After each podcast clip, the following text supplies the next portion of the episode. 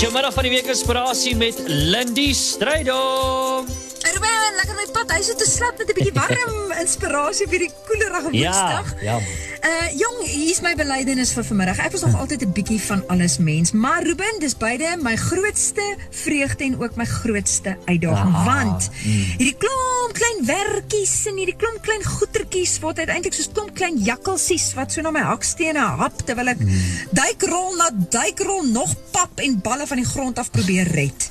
en uh, en in alle erns moet ek vir jou sê besig wees is eintlik nie net meer vir my 'n uitdaging nie. Dis dis vir my 'n sonde, want sonde is om God se wil te mis en ek voel ek is besig te besig om te mis wat God wil hê en wat God vir my wil sê. En ek glo net ons is nooit bedoel vir die scattered multitasking nie, so ek weier om dit as my lot te aanvaar. Ek is nie so gemaak en so gelaat staan nie.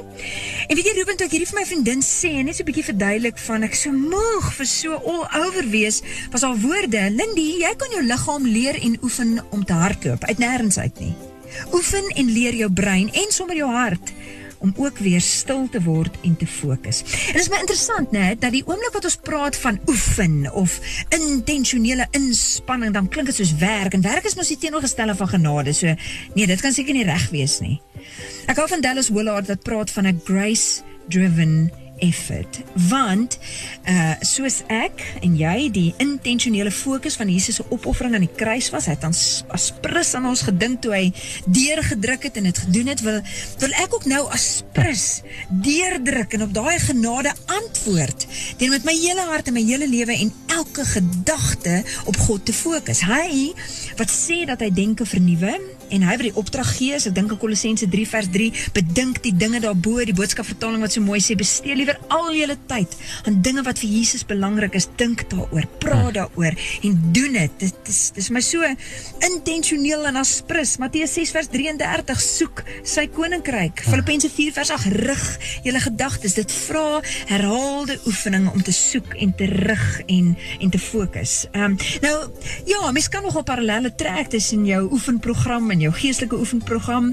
Uh, soos ek op die oomblik oefen om bulte uit te harte vir meer krag in my bene, oefen ek stil word vir meer krag in my lewe en ah, ek weet nie van jou nie Ruben, maar ek moet vir jou sê, dis wraggies taaier vir my om stil te word as om my bult uit te hardloop. Ja ja. Soos ek nou leer om eers weer 'n bietjie stadiger te hardloop, nou ek vir so lank so hard gedruk het om te probeer vinniger en vinniger hardloop, leer ek die ritme van stiller en stadiger vir 'n 'n meer effektiewe vinniger.